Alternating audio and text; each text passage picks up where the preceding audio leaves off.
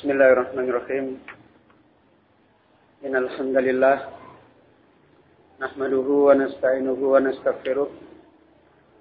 Wa na'udzu billahi min shururi anfusina wa min sayyiati a'malina. May yahdihillahu fala mudilla lah. Wa may yudlil fala hadiya wa asyhadu an la ilaha illallah wahdahu la وأشهد أن محمدا عبده ورسوله. يا أيها الذين آمنوا اتقوا الله حق تقاته ولا تموتن إلا وأنتم مسلمون. يا أيها الناس اتقوا ربكم الذي خلقكم من نفس واحدة وخلق منها زوجها وبث منهما رجالا كثيرا ونساء. واتقوا الله الذي تساءلون به والأرحام. إن الله كان عليكم رقيبا. يا أيها الذين آمنوا اتقوا الله وقولوا قولا سديدا. يصلح لكم أعمالكم ويغفر لكم ذنوبكم. ومن يطع الله ورسوله فقد فاز فوزا عظيما. أما بعد فإن أحسن الكلام كلام الله وخير الهدى هدى النبي صلى الله عليه وآله وسلم. وشر الأمور محدثاتها وكل محدثة بدعة وكل بدعة ضلالة وكل ضلالة في النار. Ikhwan wa akhwat fiddin kaum muslimin rahimani wa rahmatullah. Alhamdulillah pada kesempatan yang mubarakah ini mari kita kembali memuji syukur kepada Allah Subhanahu wa taala. Kita kembali semakin menyadari bahwasanya hidup kita senantiasa membutuhkan kepada Allah Subhanahu wa taala. Kita senantiasa dalam segala urusan kita semata-mata adalah pertolongan Allah Azza wa Jalla. Khususnya di dalam urusan agama kita. Urusan iman kita, urusan Islam kita. Kita memahami kembali Allah Azza wa Jalla senantiasa mencurahkan nikmat yang agung kepada kita dengan hati-hati kita selalu diteguhkan oleh Allah dilapangkan oleh Allah Subhanahu wa taala di dalam urusan din, urusan iman, urusan agama. Hingga kemudian anggota tubuh kita selalu mengikuti petunjuk yang kita senantiasa pahami di dalam hati kita. Sehingga dengan demikian alamatul khair, alamat kebaikan akan senantiasa kita dapatkan. Sebagaimana kita memahami semuanya, tatkala Allah Jalla bermaksud untuk memberikan petunjuk pada seorang hamba, yasraf sadrahu lil Islam. Maka Allah menolong hamba itu dadanya, hatinya diberikan kelapangan oleh Allah Jalla terhadap agama ini. Sebagaimana Allah Azza wa Jalla menggambarkan di dalam ayat Al-Quran orang-orang yang tidak meraih nikmat agama. Diberikan contoh oleh Allah dengan penggambaran, permisalan yang sudah cukup memberikan pengajaran kepada kita. Tatkala Allah menyatakan ka'annama yasa'adu fis sama. Orang yang mereka hati-hati mereka tidak ditolong oleh Allah di dalam agama kehidupannya adalah ibarat orang yang mereka berusaha untuk naik di atas langit. Ini penggambaran contoh tamsil yang sangat kuat kepada kita tentang kedudukan nikmat iman hidayah yang Allah berikan kepada kita semuanya. Ikhwan rahimani wa rahmatullah. Di antara syukur kita kepada Allah Azza wa Jalla adalah kita selalu menjaga nikmat ini, selalu memelihara nikmat ini, selalu berpegang terhadap nikmat Allah yaitu berupa hidayah ini dengan menempuh hal yang senantiasa menjadikan teguhnya iman kita. Dan wasilah yang paling agung menjadikan teguhnya iman kita adalah talabul ilmi. Yaitu mempelajari agama Allah Azza wa Jalla, memahami agama Allah Subhanahu wa taala yang kemudian dengan pemahaman ini membuahkan hati yang senantiasa mengamalkan dan membuahkan anggota tubuh yang senantiasa beramal. Apabila kita senantiasa menempuh jalan talabul ilmi ini maka insya Allah itulah wasilah yang mudah-mudahan Allah Azza senantiasa menolong kita untuk bisa menjadi orang yang bisa mensyukuri nikmat agama ini dengan benar. Sebagaimana pada kesempatan yang mubarakah ini, sebelum kita mengambil faidah dari sebuah kutip yang sangat mulia di dalam isi dan nasihatnya, yaitu nasihat tentang masalah ilmu yang ditulis oleh beliau Syekh Abdul Muhsin Al-Abad Al-Badr Hafizahullah yang beliau beri judul kitab ini Sadaratun fi fadlil ilmi wa ahlihi wa ma yanbaghi an yakuna alaihi talabat talabatuhu.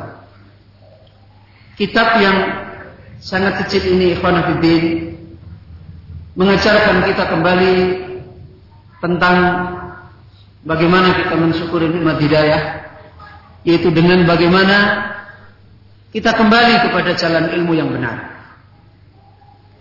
Kita kembali kepada jalan ilmu yang akan menjadikan sebab Allah menolong kita menjadi orang-orang yang diangkat derajatnya. Karena sebagaimana di dalam beberapa hadis Nabi Shallallahu Alaihi Wasallam mengingatkan tentang rusaknya nikmat hidayah, nikmat agama. Itu adalah dikaitkan dengan rusaknya jalan ilmu. Tidak benarnya jalan ilmu. Terjadi kekacauan di dalam jalan ilmu sehingga menjadikan nikmat hidayah, nikmat agama pun mengalami kekacauan. Sebagaimana dalam beberapa hadis Nabi memberikan nasihat petunjuk kepada kita min asrati sa'ah ayyul tamasal ilmu anil asagir. Di antara tanda-tanda asratu sa'ah yaitu tanda-tanda kiamat yang ini menunjukkan perkara yang buruk apabila ilmu itu diambil dari orang-orang asagir. Dalam hadis ini Nabi mengisyaratkan tentang terjadinya jalan ilmu yang tidak sesuai dengan petunjuk Nabi. Terjadinya jalan ilmu yang tidak sesuai dengan ajaran Nabi.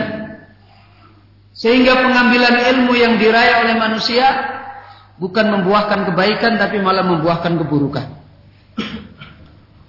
Di hadis yang lain Nabi sallallahu alaihi wasallam juga menerangkan tatkala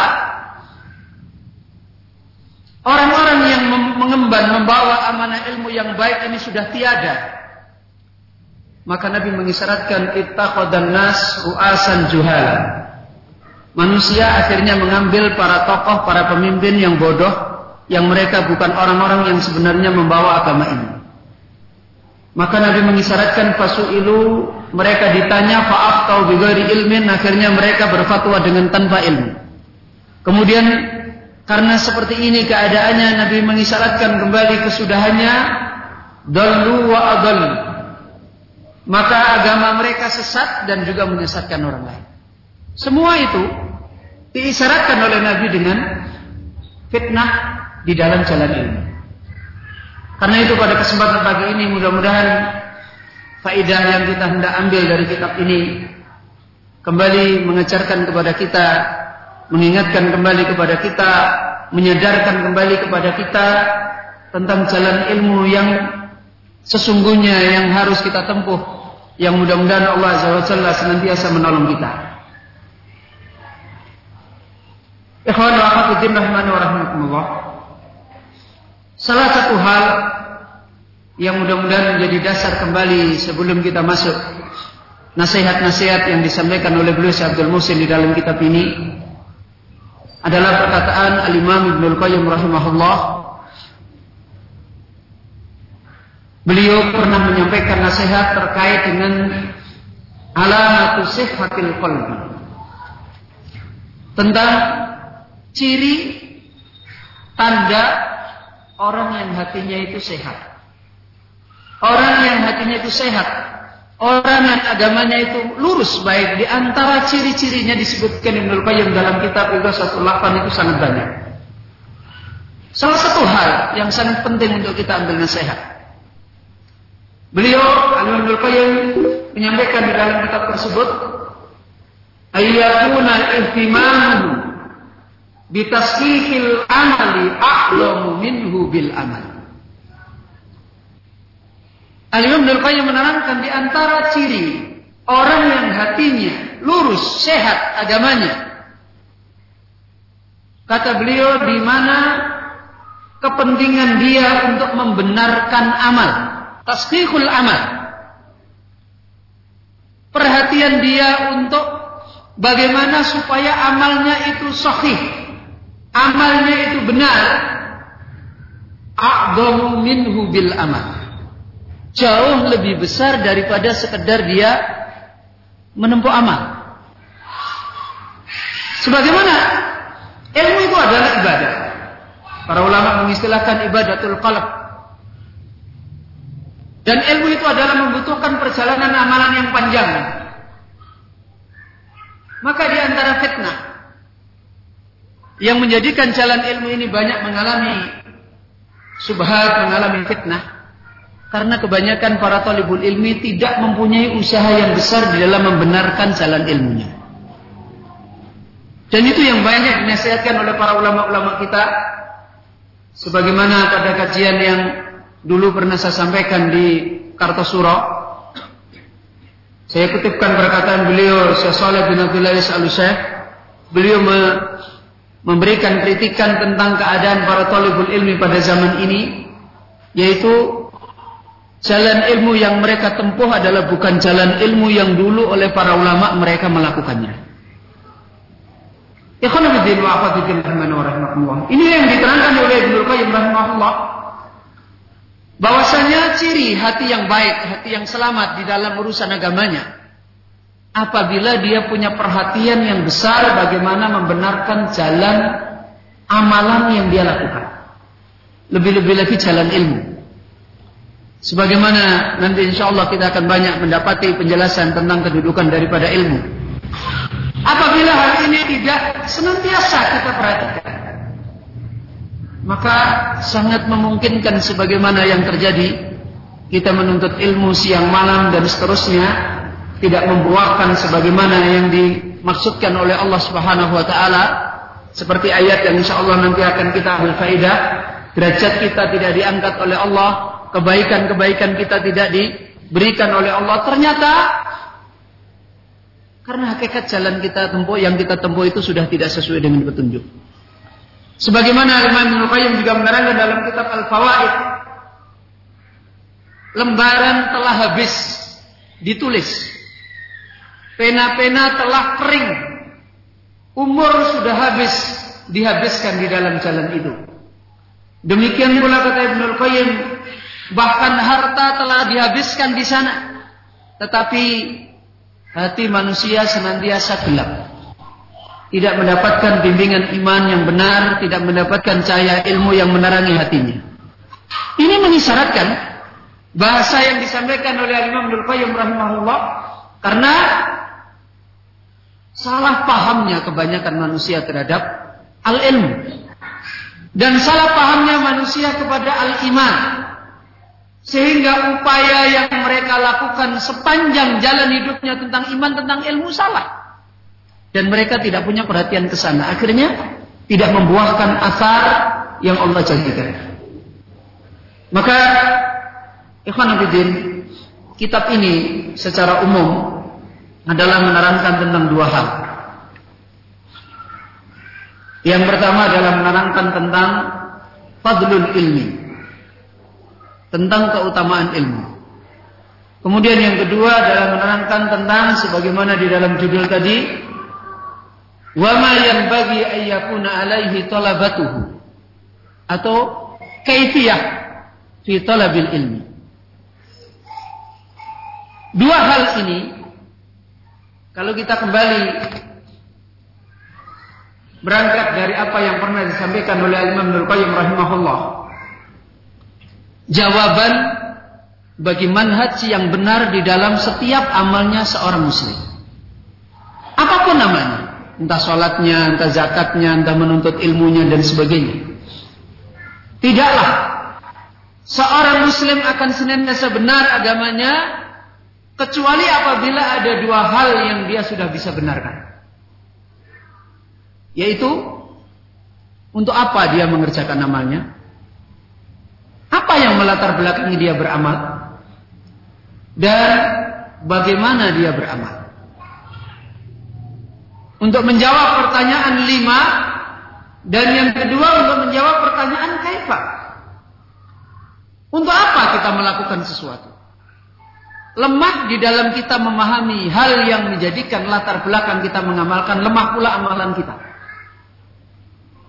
Sebagaimana tolabul ilmi, ketika kita lemah, tidak mengerti kedudukan tolabul ilmi, kedudukan ilmu, kedudukan nikmat ilmu, maka biasanya mengalami kelemahan. Semangatnya lemah, dan seterusnya. Demikian pula ketika seseorang walaupun semangatnya tinggi, tapi cara yang ditempuh tidak diperhatikan benar apakah tidak benar. Maka juga pada akhirnya semangat itu lambat laun akan patah. Kenapa? Karena ketika orang itu menempuh jalan tidak tahu torikoh, tidak tahu cara, tidak tahu hal yang harus dilakukan, kemudian akhirnya dia mengalami kepayahan yang berat dan dia tidak menemukan jalannya, lambat laun akan menjadikan orang itu lemah pula. Maka dua hal inilah untuk apa kita memahami ilmu?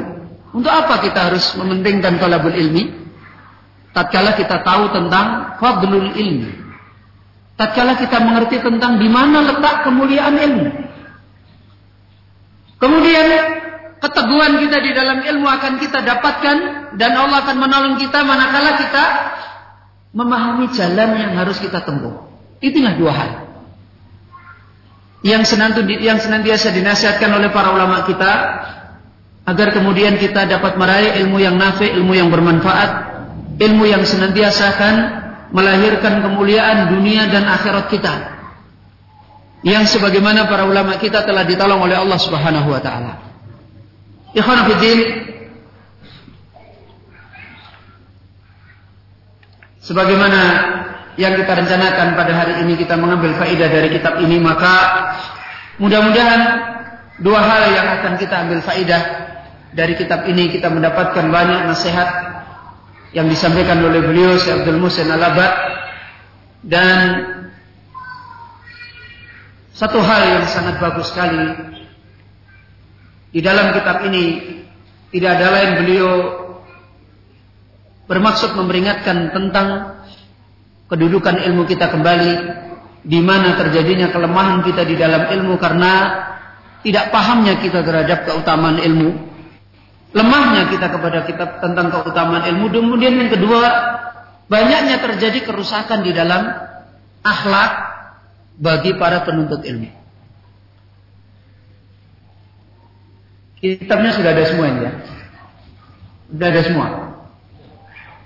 Sudah ada saya sebenarnya sebelum bacakan kitab ini saya mohon maaf. Barangkali kalau ada kekurangan. Karena walaupun kitab ini kecil tapi kitab ini yang menulis itu ulama besar. Dan orang seperti saya sebenarnya tidak pas dikasih amanah untuk menyampaikan apa yang ada di dalam kitab ini. Karena itu jika nanti ada kekurangan beberapa hal dan mungkin banyak Mudah-mudahan para ikhwan semuanya bisa memaklumi dan bisa menanyakan kepada beberapa ustadz yang lain yang lebih banyak mendapatkan kebaikan di dalam nasib masalah ilmu yang nafi. Ikhwan Abidin kita mengambil faidah di bagian awal dari mukaddimah kitab ini. Qala al-muallif rahimahullahu taala muqaddimatun Alhamdulillahilladzi syarafa bil ilmi al ulama'a wa ja'alahum bihamlihi wa badlihi wal amali bihi warasatal anbiya'i wa asyhadu an la ilaha illallah wahdahu la syarika lahu ilahun man ilahu man fil ardi was sama'i al-mutafaddalu ala ibadatin bima la yuqsa minan ni'ami wal. Secara singkat beliau memulai dengan menyanjung Allah Azza wa Jalla dengan sanjungan yang mutlak dengan asanaul mutlak yaitu dengan kalimat alhamdulillah dan beliau mengkhususkan ujian kepada Allah ini terhadap beberapa nikmat-nikmat yang Allah senantiasa berikan kepada kita khususnya dalam nikmat ilmu. Segala puji adalah milik Allah yaitu zat yang telah memuliakan para ulama dengan sebab ilmu. Dan telah menjadikan para ulama sebagai para pembawa ilmu dan para orang-orang yang senantiasa berusaha keras terhadap ilmu dan mengamalkan ilmu dan Allah telah menjadikan mereka para ulama sebagai pewaris para anbiya. Kemudian beliau bersyahadat tauhid dan menerangkan tentang tauhid Allah Azza wa. Tidak ada sekutu tandingan bagi Allah sembahan yang lain, tidak di langit, tidak di bumi dan juga tidak di langit yang memiliki sifat kesempurnaan yang mutlak. Kemudian karena hanya Allah lah satu-satunya zat yang memiliki sifat kesempurnaan yang mutlak, maka al-mutafaddalu ala ibadatin. Dialah Allah zat yang diberikan keutamaan terhadap seluruh ibadah bima la yuksi minan ni'ami wal ala. Dengan semua perkara yang la yuksa yang tidak bisa dihitung dari nikmat-nikmat dan kebaikan-kebaikan Allah Azza wa Jalla. وأشهد أن محمدا عبده ورسوله أولى الناس بالحب والولاء وأحقه وأحقهم بجميل الذكر والثناء Kemudian beliau bersyahadat kepada Nabi kita Muhammad sallallahu alaihi wasallam sebagai hamba Allah dan Rasul Allah. Manusia yang paling berhak, paling utama mendapatkan kedudukan kecintaan dan kedudukan sebagai pembelaan dan manusia yang paling berhaknya di dalam sanjungan menyebut yang paling bagus. Kemudian beliau bersalawat kepada Nabi Allahumma salli wa sallim wa baraka alaihi wa ala alihi tayyibin syurafa wa sahabatihi khiyaril fudala wa sadatil awliya wa ala alladhina ja'u min ba'dihim sa'irina ala nahjihim wa kana lahum nadhifil qulubi. Qad hudur ila tayyib minal qawli wa thana'i. Kemudian beliau bersalawat kepada Nabi sallallahu alaihi wasallam dan atas keluarga beliau at-tayyibin yang baik yang mulia dan atas para sahabat beliau sebagai orang-orang pilihan yang meraih kemuliaan dan para pemimpin-pemimpinnya para wali-wali Allah. Dan beliau juga bersalawat kepada orang-orang yang datang setelah beliau. Dari seluruh para pengikut Nabi yang mereka menempuh jalannya Nabi. Dan mereka adalah orang-orang yang nadifil qulub. Orang-orang yang senantiasa meraih bersihnya hati-hati mereka. Mereka itu adalah orang-orang yang telah diberi hidayah kepada perkataan yang baik dan sanjungan yang baik sebagaimana Allah mengabadikan di dalam ayat Al-Qur'an yaquluna rabbana ighfir lana wa li ikhwanina alladhina sabaquna bil iman wa la tas'al fi qulubina ghillan lil ladzina amanu rabbana innaka ra'ufur rahim. Maka kemuliaan yang ada pada mereka Allah menuntunkan kepada kita untuk berdoa kepada kita dan kepada mereka agar diampuni dosa-dosanya Wahai Allah ampunilah dosa kami dan dosa saudara-saudara kami yang telah mendahului kami di dalam iman dan janganlah engkau menjadikan di dalam hati-hati kami amanu terdapat kedengkian, terdapat permusuhan, kemarahan pada orang-orang yang telah beriman sebelum kami. Rabbana innaka ra'ufur rahim. Wahai Rabb kami sesungguhnya Engkau adalah zat yang maha rauf dan maha rahim. Setelah beliau membuka dengan mukadimah tadi, maka pada mukadimah singkat ini beliau mengantarkan kita tentang hakikat kitab yang beliau hendak sampaikan nasihat-nasihat beliau di dalam jalan ilmu. Maka beliau berkata, "Amma ba'du fa inna khayra ma tu'ammaru bihi al-hayatu wa tusghalu fihi al-awqatu. Al-istighalu bi kitabillahi wa sunnati rasulih sallallahu alaihi wasallam ta'alluman wa di awal kalimat beliau mengantarkan kitab ini beliau mengingatkan tentang kehidupan yang paling baik. Apa kehidupan yang paling baik di dunia? Beliau menjelaskan sungguh sebaik-baik perkara yang kehidupan, umur kehidupan senantiasa dibuat untuk sibuk memakmurkan perkara tersebut. Dan waktu-waktu senantiasa banyak disibukkan dengan hal tersebut. Apa sebaik-baik hal yang sepantasnya umur kita kita curahkan ke sana? Apakah sebaik-baik hal yang waktu-waktu kita, nafas-nafas kehidupan kita banyak kita gunakan ke sana. Kata beliau, al-istighalu bi kitabillah wa sunnati Rasulullah sallallahu alaihi wasallam. Yaitu hidup untuk menyibukkan terhadap kitab Allah. Hidup menyibukkan terhadap kitab Allah dan terhadap sunnah Nabi. Itu sebaik-baik kehidupan. Apa bentuknya yang menyibukkan diri terhadap kitab Allah dan sunnah Nabi? ta'alluman wa ta'liman yaitu sibuk mempelajari kitab Allah sibuk mempelajari sunnah Rasulullah sallallahu alaihi wasallam kemudian sibuk bagaimana mengajarkan kitab Allah dan sunnah Nabi itulah sebaik-baik kehidupan hal ini sebagaimana semakna yang pernah disampaikan oleh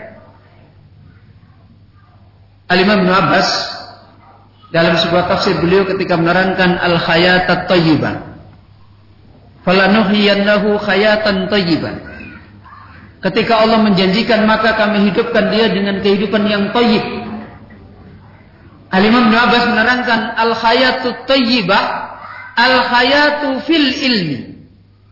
Kata beliau, hidup yang tayyib adalah hidup bahagia dengan ilmunya Allah Azza wa Jalla. Itu kehidupan yang paling baik.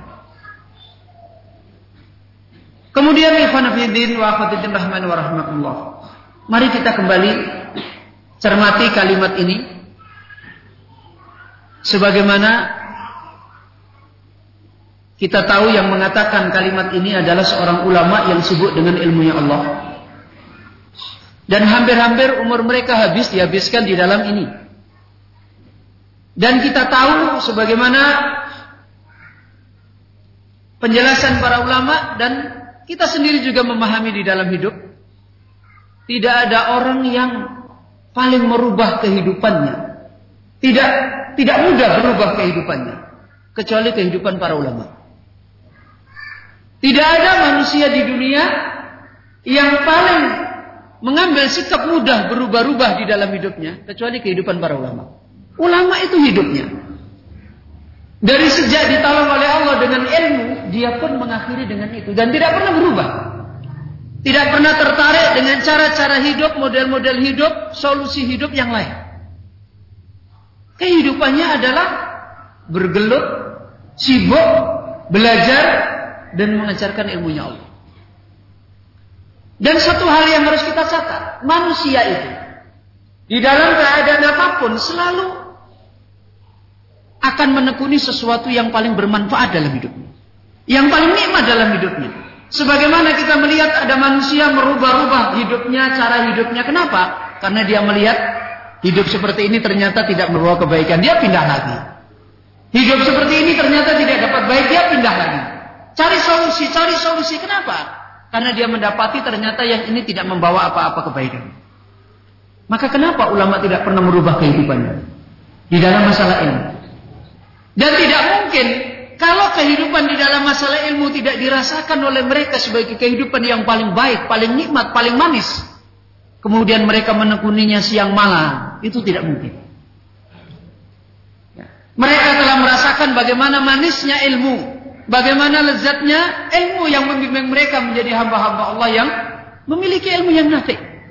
Maka kehidupan mereka adalah kehidupan yang paling kokoh dan itu menunjukkan mereka merasakan benar bagaimana kehidupan yang paling baik di dunia adalah kehidupan kebahagiaan dengan ilmu. Sampai dalam sebuah riwayat ada seorang ulama pernah mengatakan kalau para raja-raja itu tahu nikmatnya kehidupan ilmu yang sekarang ini saya rasakan kebahagiaannya mereka akan berlomba dengan pasukannya mengangkat pedangnya untuk memperebutkan nikmat yang saya rasakan.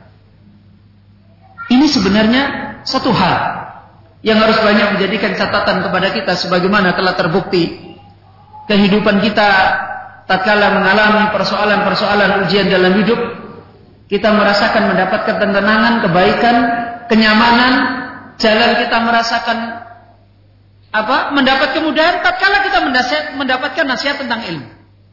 Itu mengisyaratkan pada kita tidak ada hidup yang paling meraih kelapangan dalam hidup kecuali kehidupan dengan menyibukkan diri pada ilmunya Allah Azza wa Jalla. Ini nasihat yang pertama dalam mukadimah ini disampaikan oleh beliau. Wa fi dzalika ma'al amali shalihi ad-dhafari bi khairatid dunya wal akhirah.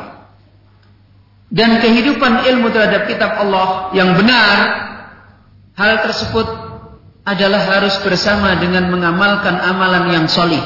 Tuntutan daripada ilmu yang hal itu akan melimpahkan dua kebaikan hidup di dunia dan di akhirat. Kemudian beliau menyimpulkan ilmi min madhil ilmi wa sana'i ala ahlihi fa innal murada bihi ilmul kitabi wa sunnati wal ma'thuri anis sahabati wa man tabi'ahum kama qala Ibnul Qayyim kama qala Ibnul Qayyim fi nuniyatihi.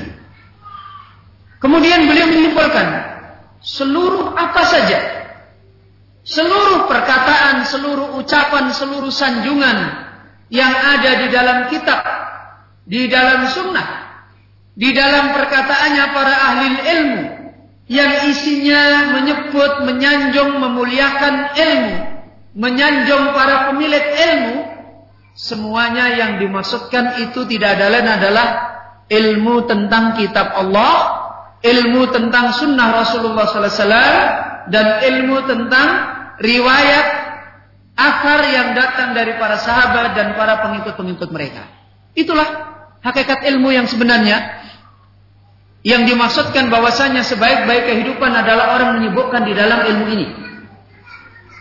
Sebagaimana Imam Ibnu Qayyim dikutip oleh beliau Syekh Abdul Muslim Al-Labad telah berkata di dalam kitab beliau yaitu kitab Nuniyahnya beliau Beliau berkata, Al-ilmu qala Allah qala rasuluhu qala sahabatu ulul ir, ulul irfan.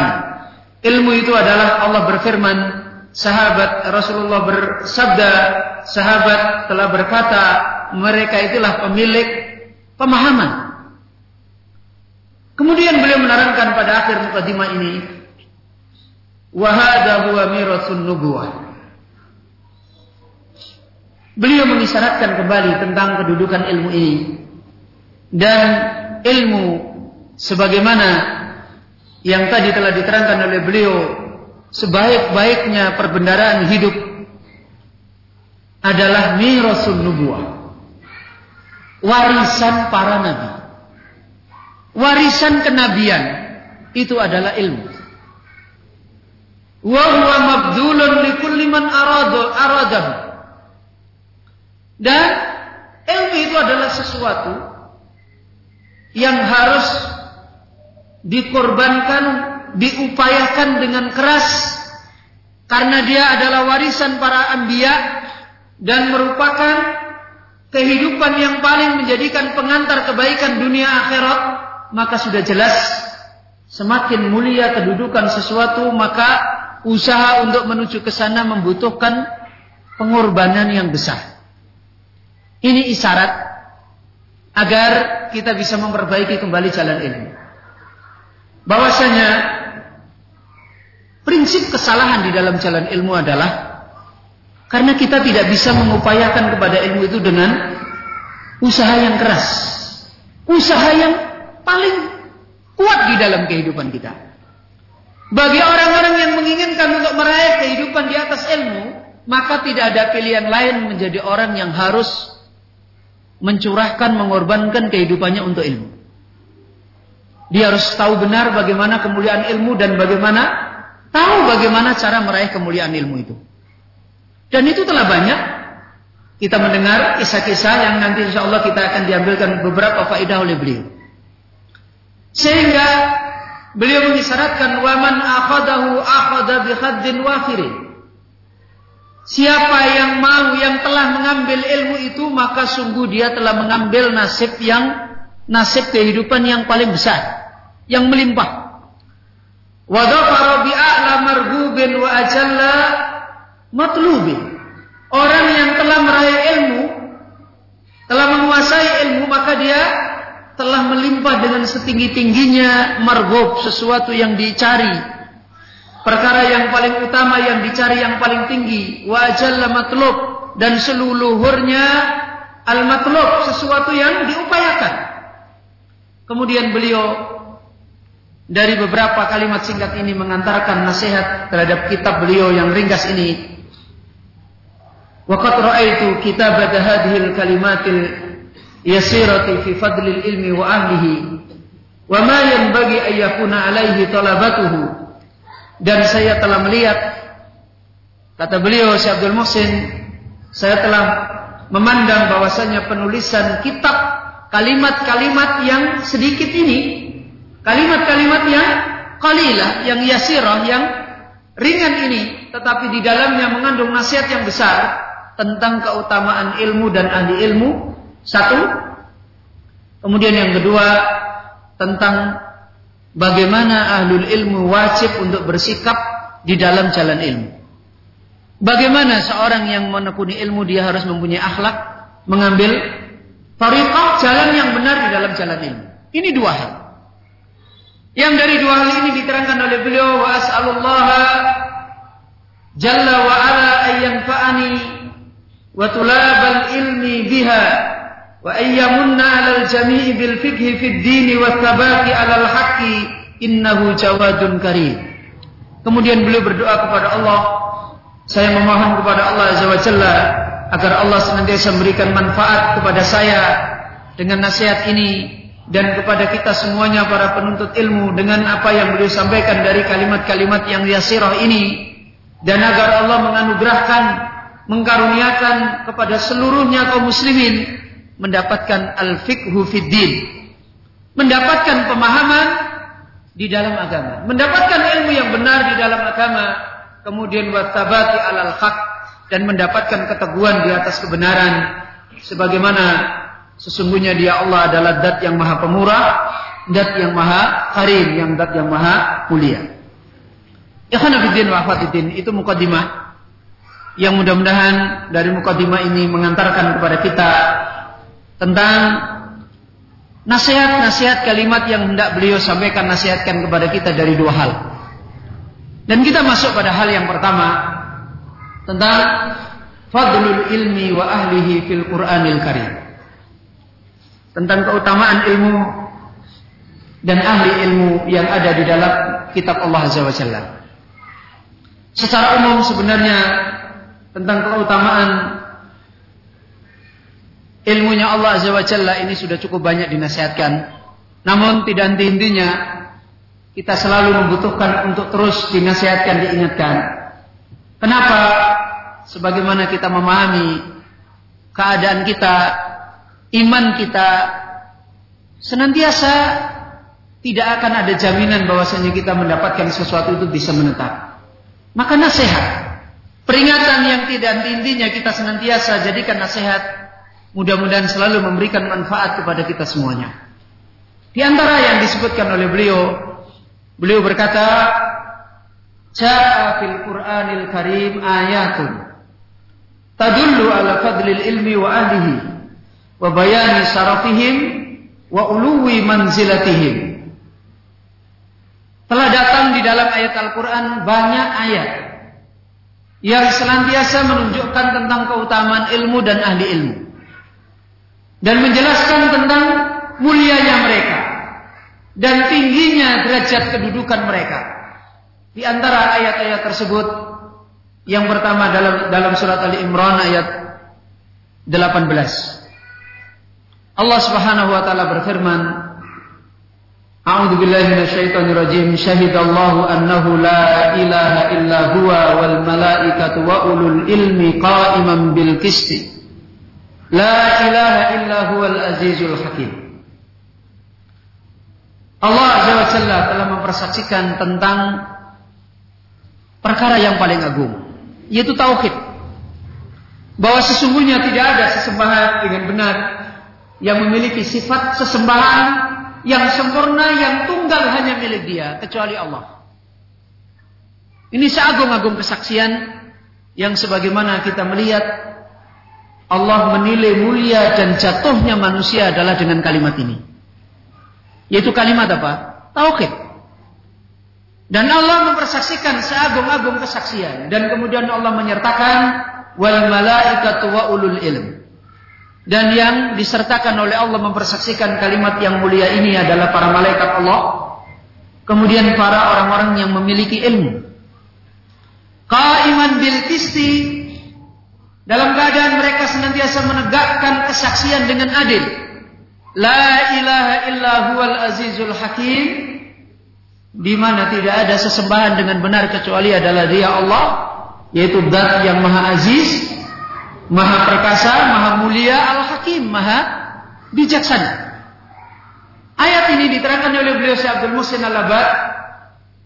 Fa fi hadhihi al-ayat bayan fadli ahli ilmi. Di dalam ayat ini berisi tentang penjelasan kemuliaan ahli ilmu. Dari sisi mana? Lianna Allah dzakara syahadatahum ma'a syahadatihim. Karena Allah menyebut persaksiannya orang-orang ahli ilmu disertakan dengan persaksian Allah. Dalam ayat tersebut Allah menyebut persaksiannya orang-orang ahli ilmu yang dinilai oleh Allah dengan adil dan kemudian disertakan dengan persaksian Allah. Itu menunjukkan madah menunjukkan sanjungan Allah kepada mereka. Di mana Allah menyertakan kesaksiannya ahli ilmu bersama dengan kesaksiannya Allah. Demikian pula disertakan dengan kesaksiannya para malaikat-malaikat Allah. Tentang apa? Bi annahu al-ilahul haq alladzi la takunul ibadatu illa lahu. Yaitu tentang urusan hidup yang paling besar tentang perkara yang menjadikan sumber kebahagiaan manusia yang paling besar, yaitu makrifat kepada sesembahan yang benar. Bahwasanya tidak ada ilah, tidak ada sesembahan yang memiliki sifat kesempurnaan yang tunggal, yang paling benar, karena sesembahan-sesembahan yang lain adalah tidak memiliki sifat kesempurnaan kecuali adalah Dia Allah Subhanahu wa taala sehingga tidak pantas tidak berhak ibadah itu diberikan hanya kepada dia. Wa hiya mustamilatun ala a'dami syahidin. Wa huwa Allah Subhanahu wa taala wa a'dami masyhudin bihi wa huwa uluhi uluhiyatuhu wa annahu al-mukhtassu bil ibadati. Maka pada ayat ini terkandung dua hal. Yang pertama, mustamilatun ala a'dami syahidin. Ayat ini terkandung pertama adalah yang paling agungnya pemberi saksi. Siapa yang paling agung yang memberikan kesaksian dalam ayat ini? Siapa? Hah? Allah. Ya kan? Syahidallahu. Allah menerangkan yang paling agung di dalam mempersaksikan yaitu Allah Azza wa Jalla sendiri. Al-ilahul haq. Kemudian yang kedua adalah a'dami masyhudin bihi seagung-agungnya perkara yang paling pantas dipersaksikan yang paling agung di dunia. Terkandung yang paling agung di dalam mempersaksikan yaitu siapa? Allah. Kemudian terkandung yang paling agung yang pantas dipersaksikan yaitu apa? Tauhid. Yang menjadikan sebab kuliahnya manusia dan gagalnya manusia dalam hidup yaitu iman mentauhidkan Allah Jalla. Ini dua hal dimuat oleh Allah di dalam ayat ini. Sebagaimana yang paling agungnya di dalam perkara yang pantas untuk dipersaksikan adalah al-uluhiyah kemudian al-ibadah. Uluhiyah yaitu menetapkan tentang sesembahan yang benar. Karena di dunia ini banyak menetapkan sesembahan-sesembahan yang tidak benar.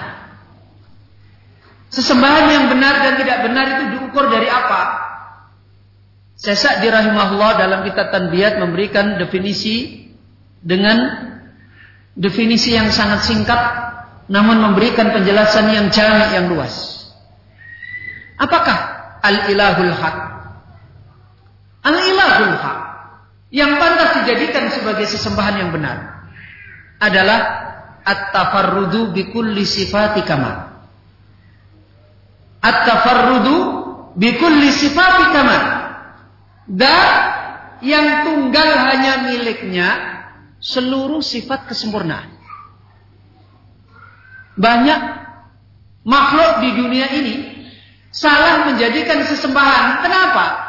Karena salah menilai sifat daripada sesembahan. Sebagaimana orang-orang datang ke kuburan karena dia menyangka penghuni kuburan itu punya apa? Punya kekhususan, kan begitu kan? Dianggap punya kesempurnaan, bisa menyembuhkan sakit misalnya.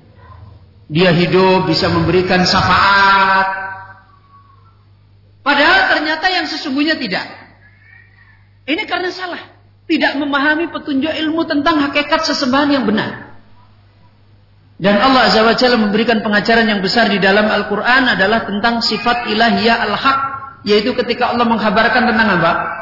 Tentang datnya, tentang namanya, tentang apa? tentang sifatnya, kemudian tentang perbuatan Allah Azza wa Dan pengajaran yang paling besar di dalam Al-Quran adalah masalah ini.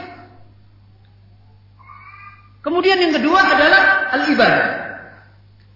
Kenapa kita harus memberikan ibadah kepada Allah? Karena hanya Allah lah at-tafarrud bi kulli sifati kamal. Dan yang hanya miliknya seluruh sifat kesempurnaan. Sehingga tidak pantas ibadah itu ditujukan kepada selain Allah. Karena hakikat orang memberikan ibadah kepada sesuatu berarti dia adalah menuju kepada sesuatu yang memiliki sesuatu yang sempurna.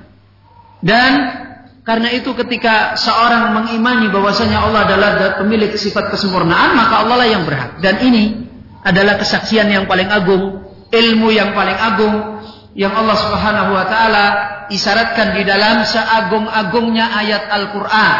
Apa itu? Hah? Seagung-agungnya ayat Al-Qur'an apa itu? Hah? Masa nggak tahu? Ayatul Ayatul Kursi. Dari awal sampai akhir Ayatul Kursi itu berisi tentang apa? Tentang Hah? Tentang pengajaran yang menyangkut siapa? dat Allah, sifatnya, namanya, perbuatannya, kan begitu? Maka inilah seagung-agung kesaksian. Sebagaimana ayatul kursi adalah a'domu ayatil Quran. Apabila orang meraih kesaksian yang paling agung ini, dijamin oleh Allah Azza wa Jalla hidupnya meraih kemenangan. Antum baca saja keutamaan yang disebutkan oleh Nabi tentang ayatul kursi. Bagaimana? Bagaimana? Man qara'a hadhil ayah fi lailatin lam yazal alaihi minallahi hafidun wala yaqrabuhu syaitanu hatta yusbi. Orang yang membaca ayat itu dengan ilmu, dengan etikot, dengan keyakinan, dengan pengagungan pada Allah di malam hari, maka dia semalam dijaga oleh Allah, iblis setan tidak akan bisa mendekati dia sampai datangnya waktu subuh. Bagaimana kehidupan manusia tidak meraih kebaikan kalau dia meraih kehidupan seperti ini. Dan itu adalah berangkat dari ilmu yang paling agung, yang paling diagungkan oleh Allah di dalam Al-Quran yaitu mentauhidkan Allah. Dan inilah ayat orang-orang yang meraih ilmu tentang ilmunya Allah yang paling agung ini adalah orang yang dijelaskan oleh Allah di dalam ayat tersebut sebagai orang yang mendapatkan kedudukan mulia. Kemudian beliau menerangkan wa'atfu syahadatil malaikati wa ulil ilmi ala syahadatihi dalun ala fadlil malaikati wa fadli ahli ilmi. Ketika Allah di dalam ayat ini mengatofkan ya, mengatofkan yang sudah belajar Arab mungkin tahu itu mengatofkan, yang belum ya mungkin apa maksudnya mengatofkan. Kalau diterjemahkan bahasa Indonesia terus apa ya? Hah? Menggabungkan, ya boleh. Menggabungkan ya nggak pas juga. ya sudahlah nggak apa-apa. Jadi kata Allah di situ ada atofnya. Atofnya itu wal malaikah. Ada huruf wawu. Ya, wawunya wawu atof. Wal malaikah itu diatofkan ke Allah. E'robnya sama dan maknanya juga sama. Maknanya juga sama. Wa ulul ilmi juga demikian diatofkan kepada lafaz Allah. Maka secara erob malaikat itu erobnya sama dengan Allah, Ulul ilmi juga Eropnya sama, maknanya juga sama. Apa? Bahwasanya Allah adalah yang melakukan syahidah, termasuk yang melakukan syahidah setelah Allah siapa? Al-malaikah. Dan termasuk yang melakukan syahidah setelah malaikat di situ apa? Hah? Ulul ulul ilmi. Hal ini sebagaimana diterangkan oleh beliau Syekh Abdul Muhsin Al-Abad dalon ala fadlil malaikati wa fadli ahli ilmi. Ini merupakan dalil tentang apa? Tentang keutamaan atau mulianya para malaikat Allah di sisi Allah dan tentang keutamaan mulianya para orang-orang ahli ilmu di sisi Allah. Di mana Allah menyertakan dengan atap bersama dengan Allah Azza wa Jalla. Di dalam mempersaksikan semulia-mulianya kesaksian di dalam hidup. Kemudian dalil yang kedua. Wa qawluhu sallallahu wa qawluhu azza wa jalla qul hal yastawi alladhina ya'lamuna wal ladina la ya'lamun. Dalil yang kedua adalah firman Allah azza wa jalla katakanlah Muhammad apakah sama orang-orang yang mereka senantiasa berilmu Walladzina la ya'lamun dan orang-orang yang mereka senantiasa tidak berilmu. Istifham Allah bertanya di sini adalah lil ingkar. Allah bertanya adalah untuk mengkritiki kita. Yang di mana seringnya kita, perilaku kita, amalan kita tidak bisa mensikapi dengan sikap yang jauh berbeda antara meraih nasib ilmu dengan meraih nasib tidak mendapatkan ilmu. Kadang-kala kita menjadi orang yang meremehkan ilmu. Itu sikap yang dikritisi oleh Allah. Pertanyaan Allah di sini adalah untuk mengingkari keadaan dari orang-orang yang tidak bisa mendudukkan pemahaman seperti ini. Apakah sama orang-orang yang mereka senantiasa berilmu dan orang-orang yang mereka tidak senantiasa berilmu?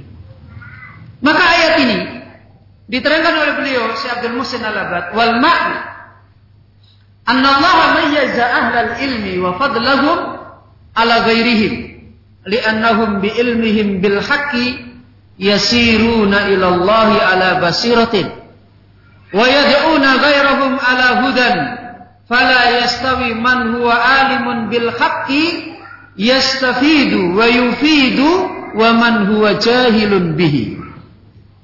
Syekh Abdul menerangkan makna daripada ayat ini Allah membedakan. Allah membedakan antara orang ahli ilmu dan keutamaan mereka. Dibedakan Allah jauh antara selain mereka. Dibedakan oleh Allah jauh antara selain mereka. Perbedaannya adalah di dalam apa? Di dalam meraih nasib hidupnya. Di dalam jalan mereka menuju kepada Allah Azza wa Jalla. Yaitu beliau menerangkan karena sesungguhnya mereka orang-orang yang mendapatkan nikmat ilmu. Orang-orang yang mereka meraih keutamaan ilmu dengan ilmu yang mereka raih berupa kebenaran, mereka adalah orang yang senantiasa berjalan menuju kepada Allah di atas basirah, di atas petunjuk. Bagaimana kita menggambarkan kalau ada orang berjalan menuju kepada sesuatu dan jalannya itu terang benderang. Bagaimana dia tidak lapang? Bagaimana dia tidak meraih kenikmatan? Bagaimana dia tidak wajahnya berseri-seri? Perjalanannya akan segera menyampaikan pada tujuan dan dia pasti melihat dirinya adalah orang yang berhasil kan begitu? Kalau orang melihat dirinya menempuh satu jalan dan jalan ini terang benderang, bagaimana dia tidak menjadi orang paling bahagia? Bandingkan dengan orang yang tidak seperti ini. Belum berjalan, digambarkan jalannya itu gelap, wajahnya sudah suram. Ya kan begitu? Dia belum menempuh suatu jalan, tapi dia tahu jalan di sana itu gelap, penuh bahaya, nggak tahu petunjuknya, nggak apa. Pikirannya sudah nggak karu-karuan. Apalagi ketika dia berjalan. Apalagi gambaran dalam hidupnya orang ini akan dilanda humum. Kesedihan yang tidak pernah habis. Belum berjalan saja dia sudah menderita, apalagi dia berjalan dengan keadaan fitnah yang banyak. Dan apalagi kemudian ternyata dia tidak sampai pada perjalanan yang baik. Menjadi jelas. Dan ini bukan urusan sekedar pertanyaan kita hanya bisa menjawab, ya lebih baik orang berilmu selesai. Enggak. Karena kebaikannya itu letaknya bagaimana dia menjadi orang yang hidup ini satu di atas petunjuk, satu tidak di atas petunjuk. Sampai Allah Azza wa Jalla menggambarkan dalam ayat yang lain apa? Awaman kana maitan fa wa ja'alna lahu nuran yamsi bihi fin nas kaman mataluhu fid. Ini juga pertanyaan. Apa kata Allah? Apakah orang yang dia Tadinya adalah mati, hatinya mati. Kemudian dihidupkan oleh Allah. Kemudian Allah jadikan di dalam hatinya cahaya. Kemudian dia bisa menjadi orang yang berjalan di tengah-tengah manusia. Terang benderang dia berjalan. Kemudian Allah bertanya, "Kaman masaluhu fid Apakah sama dengan orang yang hatinya gelap? Coba pahami dalam hidup supaya kita bisa merasakan Supaya kita bisa tahu.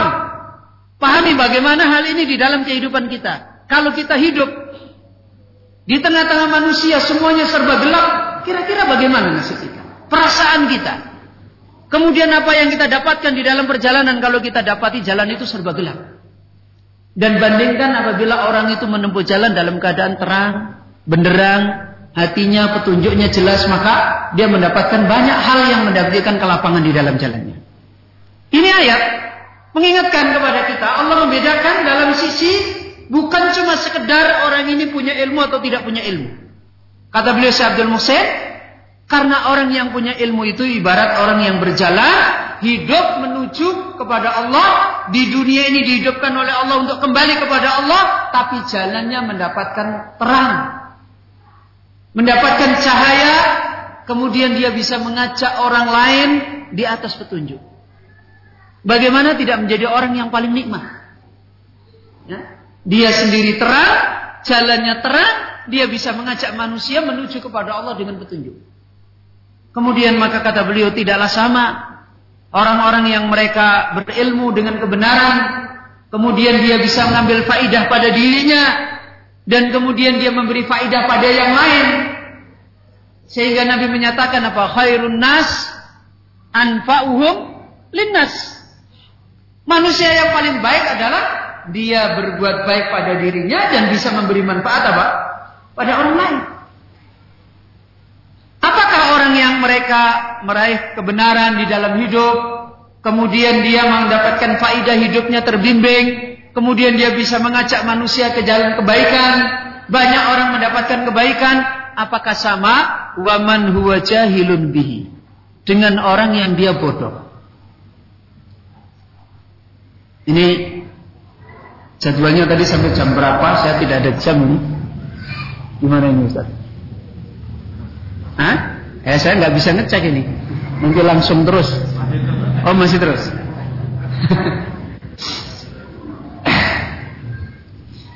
Kemudian yang ketiga. Wa qauluhu sallallahu alaihi wasallam dalil yang ketiga wa qur rabbi zidni ilma. Allah berfirman pada Nabi kita sallallahu alaihi wasallam, "Wa qur rabbi zidni ilma." Dan katakanlah Muhammad berdoalah kepada Allah, "Rabbi zidni ilma." Ya Allah tambahkan kepadaku ilmu. Syekh Abdul Muhsin menerangkan ayat ini sebagaimana juga telah banyak diterangkan para ulama kita yang lain. Fa fi hadhil ayati ad-dallati ala fadlil ilmi. Fa fi hadhil ayati ad-dallatu ala fadlil ilmi. لأن الله تعالى أمر نبيه صلى الله عليه وسلم بطلب الزيادة منه maka di dalam ayat ini, maka adalah di dalam ayat ini senantiasa menunjukkan atas kemuliaan ilmu. Dari sisi mana ayat ini menunjukkan kemuliaan ilmu? Ilatnya apa? Karena sesungguhnya Allah SWT memerintahkan nabinya untuk meminta ditambahkan ilmu tersebut. Ketika Allah menyuruh nabinya untuk minta ditambahkan ilmu, dan ini menjadi dalil mulianya ilmu. Lebih-lebih lagi ketika diterangkan di sini apa yang disampaikan oleh beliau Al-Hafidz Ibnu Rajab eh, Ibnu Hajar Al-Asqalani dalam kitab Fathul Bari ketika Al-Hafidz Ibnu Hajar menerangkan wadiqud dalalati fi fadlil ilmi Allah Ta'ala lam ya'mur nabiyahu bi talabil izdiyadi min syai'in illa minal ilmi. Kata Al-Hafidh Ibnu Hajar, jelasnya dalil yang menunjukkan tentang mulianya ilmu adalah karena Allah Azza wa Jalla memerintahkan nabinya untuk meminta tambahan dan ini pasti nikmat yang agung di sisi Allah. Meminta tambahan dengan satu perkara tidak pernah Nabi disuruh oleh Allah untuk meminta agar ditambahkan nikmat kecuali adalah nikmat dari ilmu. Nabi diperintahkan oleh Allah meminta kepada Allah tambahan hanya terkait dengan nikmat ilmu. Dan ini menunjukkan agungnya daripada kedudukan nikmat ilmu. Kemudian Ar-Rabi'u. Dalil yang keempat di dalam kitab Allah. Wa qauluhu azza wa jalla yarfa'illahu alladhina amanu minkum walladhina utul ilma darajatin. Dalil yang keempat adalah firman Allah Azza wa Jalla. Allah berjanji. Allah akan mengangkat derajat orang-orang yang telah beriman di antara kalian dan orang-orang yang mereka telah diberi ilmu darajatin dengan beberapa derajat.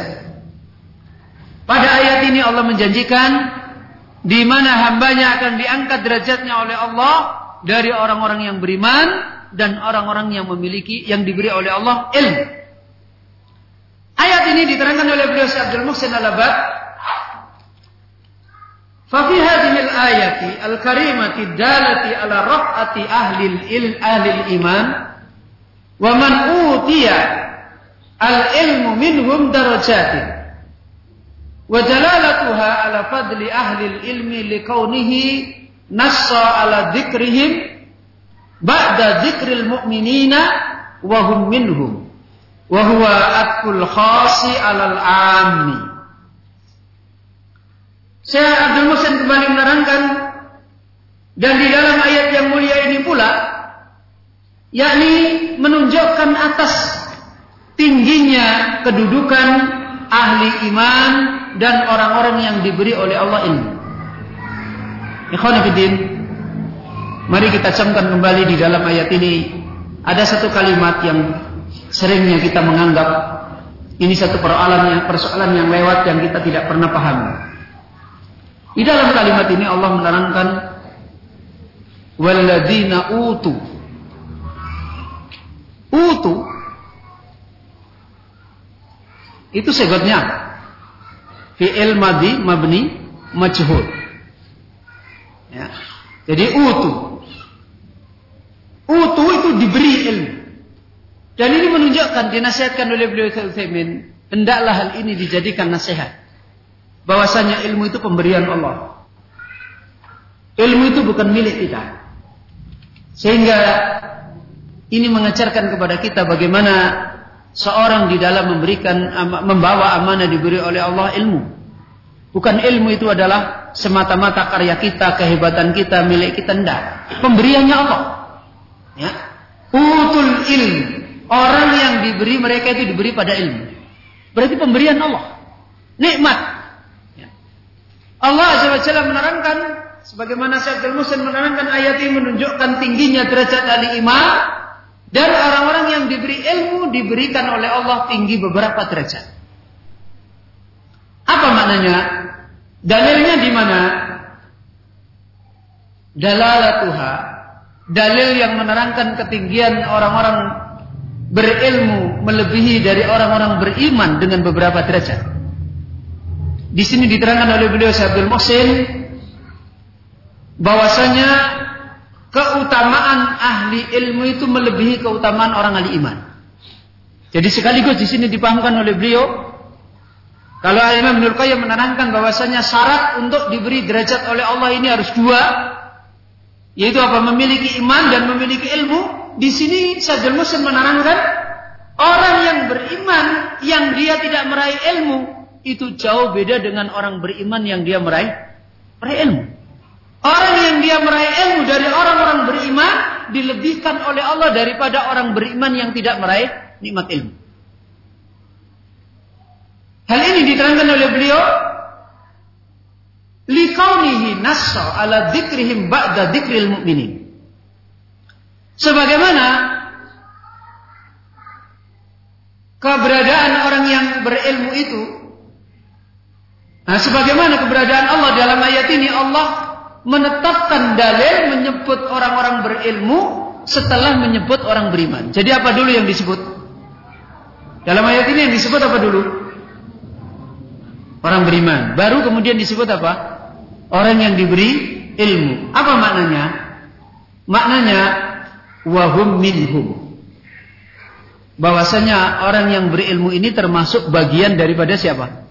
Orang yang beriman. Tapi dia punya kelebihan secara khusus. Wahum minhum.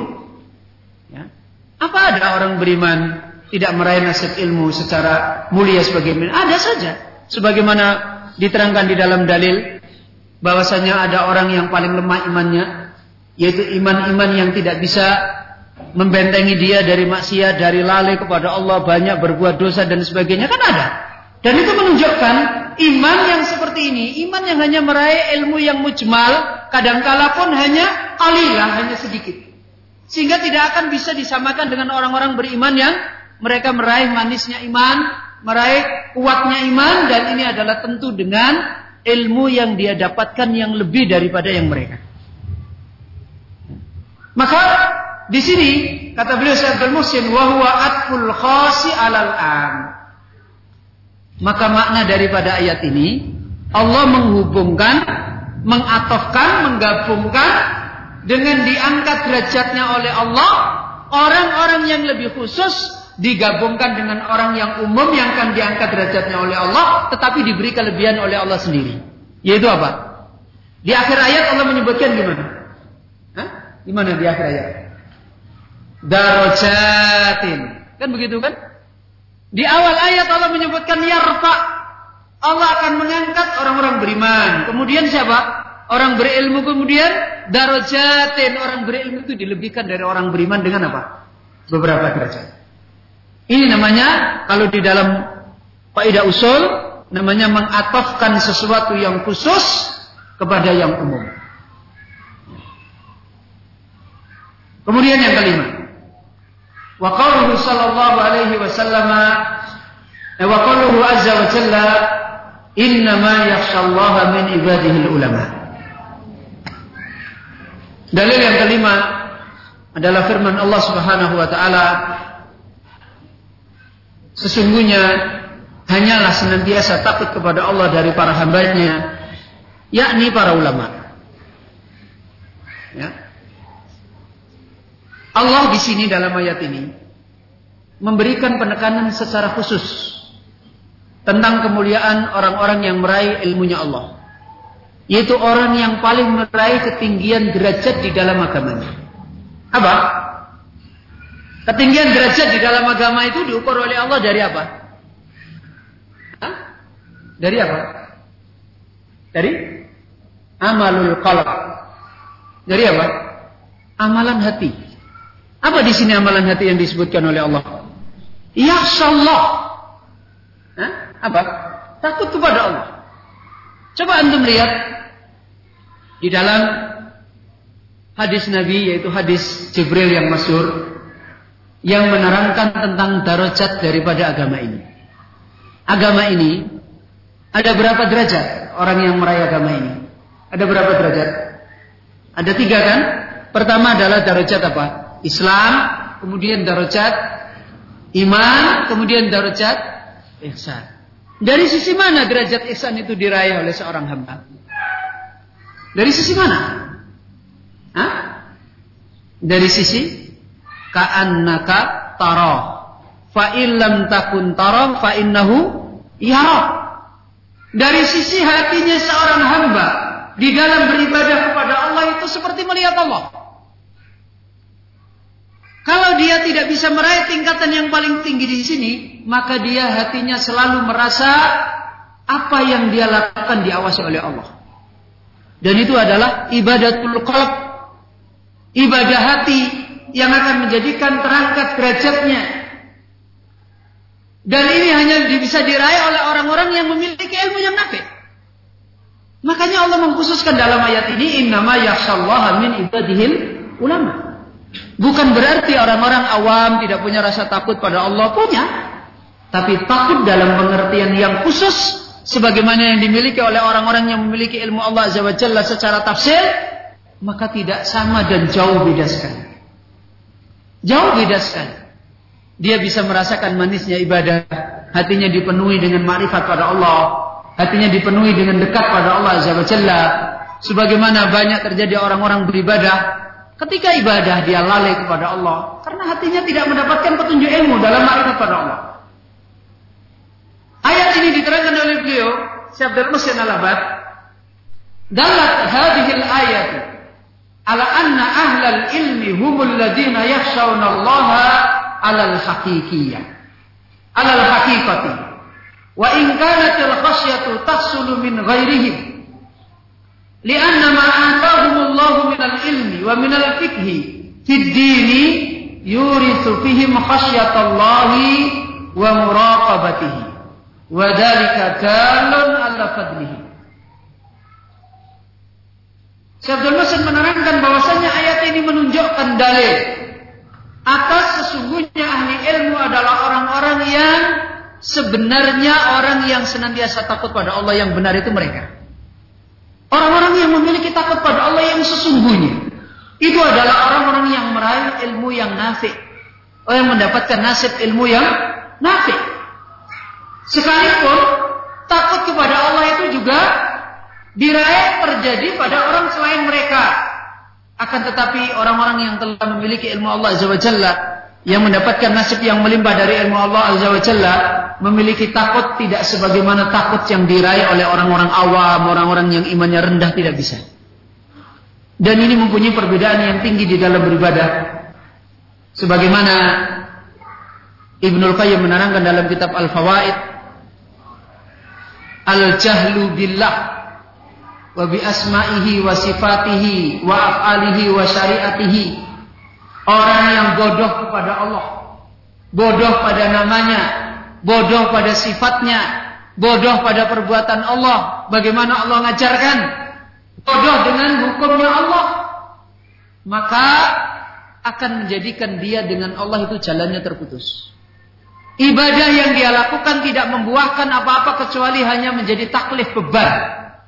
Maka orang-orang yang seperti ini bagaimana dia bisa merasakan manisnya iman? Gak mungkin.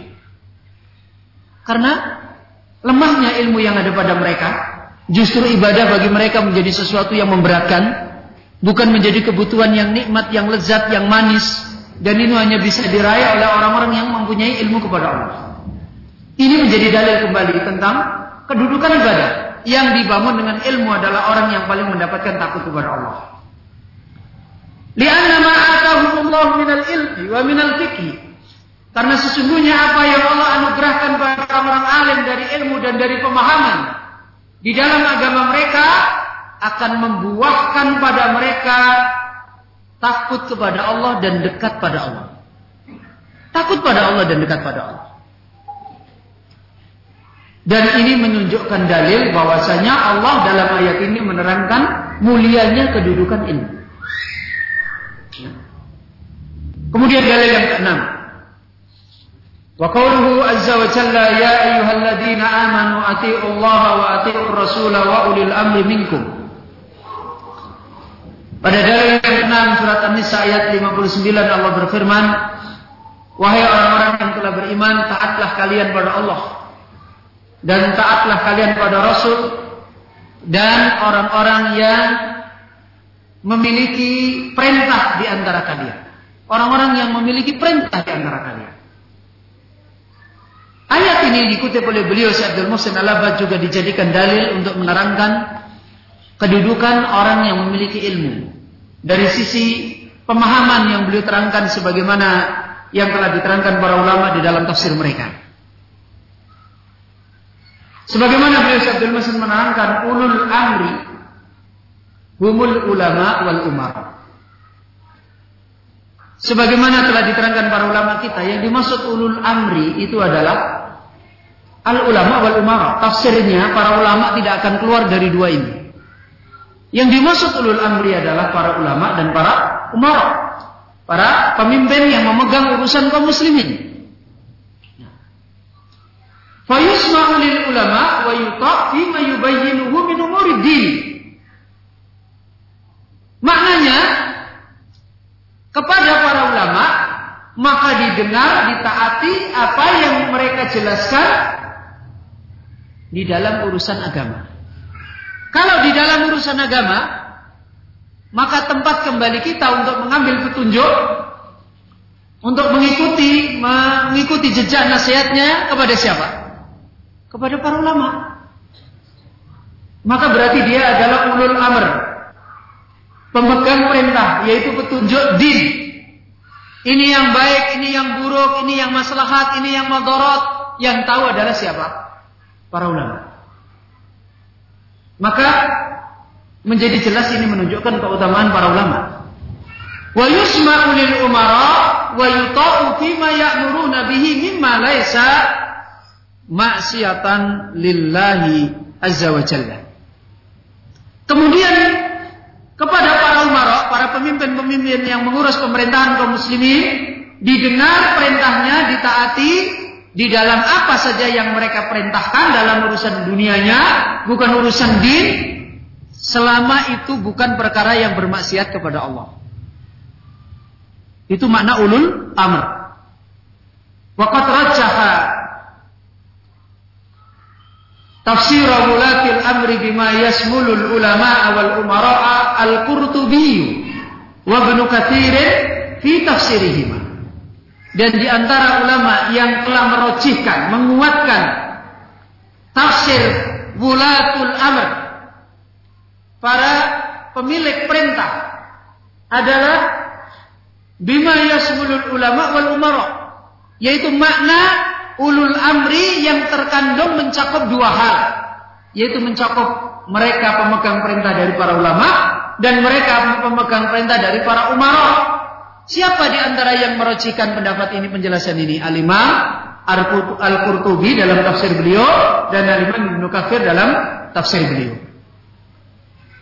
Di antaranya dikutipkan oleh beliau Abdul Musa al-Abad perkataan al-imam Ibnu Katsir. Qala Ibnu Katsir rahimahullahu taala fi tafsirih.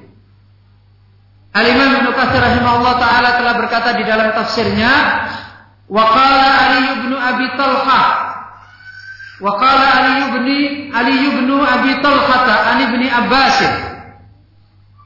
Kata Imam Ibnu Katsir, Ali bin Abi Talha telah berkata dari Ibnu Abbas, Ibnu Abbas berkata wa ulil amri minkum yakni ahlal fikhi wa dini.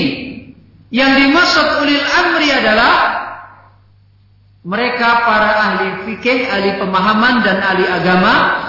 Wa kada mujahidun wa ata'u wa Ata'un wal Hasanul Basri wa.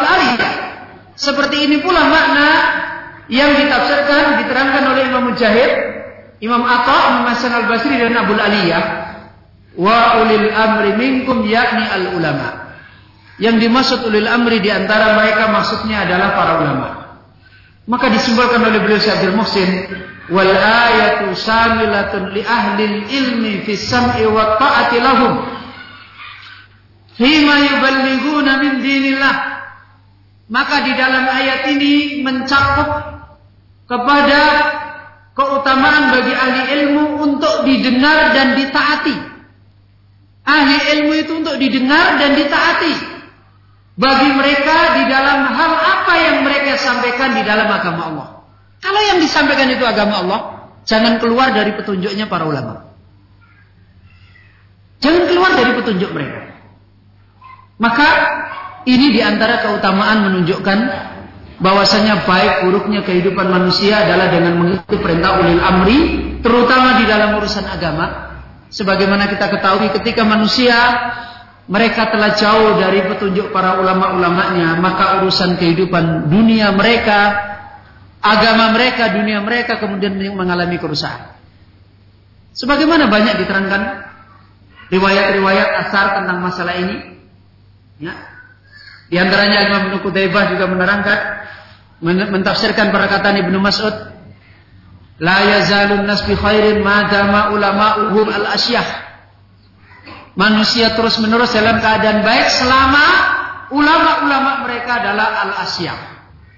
Orang-orang yang memang ulama yang membawa din yang asyah. Ulama-ulama Rabbani yang betul. Ini menunjukkan baik buruknya ulama. Apa manusia adalah kembali dengan sikap mereka kepada para ulama. Demikian pula Hasan al-Basri pernah mengatakan ketika di dalam sebuah majelis ilmu beliau menyebut antum fi zamanin kathura ulama'ukum wa qalla qura'ukum.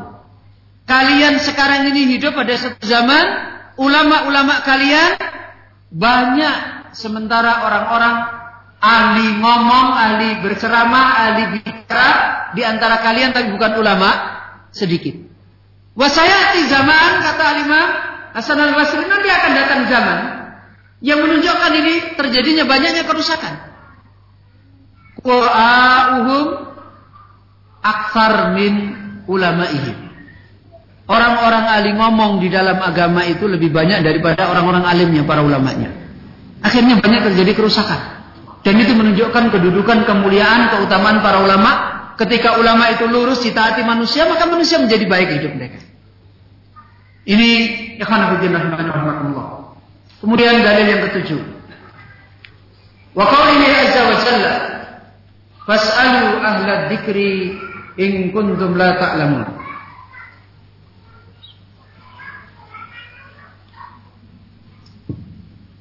Ini sudah ada peringatan 5 menit lagi, tapi saya nggak ada jam. Gimana ini? Harusnya ada jam di sini. Sudah, sudah 10 menit atau masih tambah 5 menit lagi? Oh gitu. Dalil yang ketujuh. Wa qawluhu azza wa jalla fas'alu ahla dzikri in kuntum la ta'lamun. Fas'alu ahla dzikri. Bertanyalah kalian kepada ahli dzikr, ahli peringatan. Jadi yang dimaksud ahli dzikr, dzikr itu peringatan, bukan dzikr itu dzikir baca sekian, baca sekian, baca sekian, bukan seperti itu. Sebagaimana Allah menerangkan inna nahnu nazzalna dzikra dan makna dikr itu adalah kitab Allah dan sunnah Nabi. Sebagaimana dalam hadis Nabi yang lain, ala inni utitul Quran wa mithluhu ma'ahu. Sesungguhnya telah didatangkan kepadaku Al-Quran dan yang semisal Al-Quran bersama Al-Quran. Apa itu? Sunnah Nabi Shallallahu Alaihi Wasallam dan itu adalah dikr. Makanya Allah memperingatkan fadakir fa inna dzikra tanfa'ulil mu'minin. Sampaikan peringatan dari kitab, dari sunnah, karena sungguhnya peringatan itu memberi manfaat bagi orang-orang yang beriman. Jadi Allah memerintahkan kepada kita untuk bertanya terhadap orang-orang ahli dzikir. Bertanyalah kalian kepada ahli dzikir kuntum la ta'lamun jika kalian adalah kalian tidak senantiasa tahu. Jadi kalau kalian tidak tahu bertanya kepada ahli dzikir. Menunjukkan ahli dzikir adalah marja'un nas. Apa marja'un nas? Rujukannya manusia. Kalau bahasa sekarang dalam istilah sekarang adalah sebagai referensinya manusia. Orang yang kepadanya kita akan kembali menanyakan kebaikan-kebaikan dan kejelekan-kejelekan hidup kita. Maka itu menunjukkan orang yang utama. Allah memerintahkan kepada kita bertanya kalian kepada ahli zikr jika kalian tidak tahu. Beliau Syekh Abdul Musin menerangkan dalatil ayat ala fadli ahli ilmi li'annahum al-marja' ya. Ayat ini telah menunjukkan atas keutamaan ahli ilmu kenapa? Karena sesungguhnya ahli ilmu itu adalah marja. Apa tadi marja? Tempat kembali. Kalau orang ada urusan di dalam hidupnya, dia salah untuk mendatangi tempat kembali yang pantas untuk dia bertanya, pasti kehidupannya akan terjadi banyak kerusakan. Al-marja Tempat di mana kembali manusia bertanya, menanyakan baik buruknya hidup, menanyakan hidup yang bahagia, menanyakan hidup yang selamat, menanyakan bagaimana tidak jatuh pada sengsaraan dan sebagainya. Allah memerintahkan fasalu ahlad dzikr. Bertanya kalian kepada ahli peringatan. Fi bayanil haqqi wal batili wal halali wal haram. Kepada mereka kita bertanya tentang penjelasan mana benar mana salah. Karena hidup ini ukurannya adalah dengan masalah benar dan salah. Mana benar, mana batil. Kalau kita berada di dalam kebenaran, maka insya Allah hidup kita pasti baik. Kalau kita hidup di dalam kebatilan, pasti sengsara, pasti rusak, pasti binasa. Itu hidup kita. Demikian pula wal halal wal haram. Mana yang halal membawa kebaikan pada kita dan mana yang haram membawa kerusakan pada kita, hati kita, anggota tubuh kita, lisan kita, ini semuanya adalah kembali kepada mereka. Kalau kita tidak punya tempat kembali yang baik, sebagaimana yang ada yang tadi kita sebutkan pada awal, ittakhadhan apa? Ru'asan juhal. Maka manusia kemudian menuju kepada para tokoh-tokoh yang bodoh, bukan ulama. Kemudian bertanya tentang agamanya, kemudian mereka sesat menyesatkan orang lain. Ikhwanafiddin wa hafidin rahman wa rahmatullah. Alhamdulillah kita telah selesai pada bagian keutamaan yang ada di dalam kitab Allah Azza wa Jalla. Dan insya Allah kita istirahat sebentar nanti kita lanjutkan tentang keutamaan yang ada di dalam sunnah Nabi Shallallahu Alaihi Wasallam. Kita akhiri dulu Subhanallah bihamdika. Asyhadu an la ilaha illa anta astaghfiruka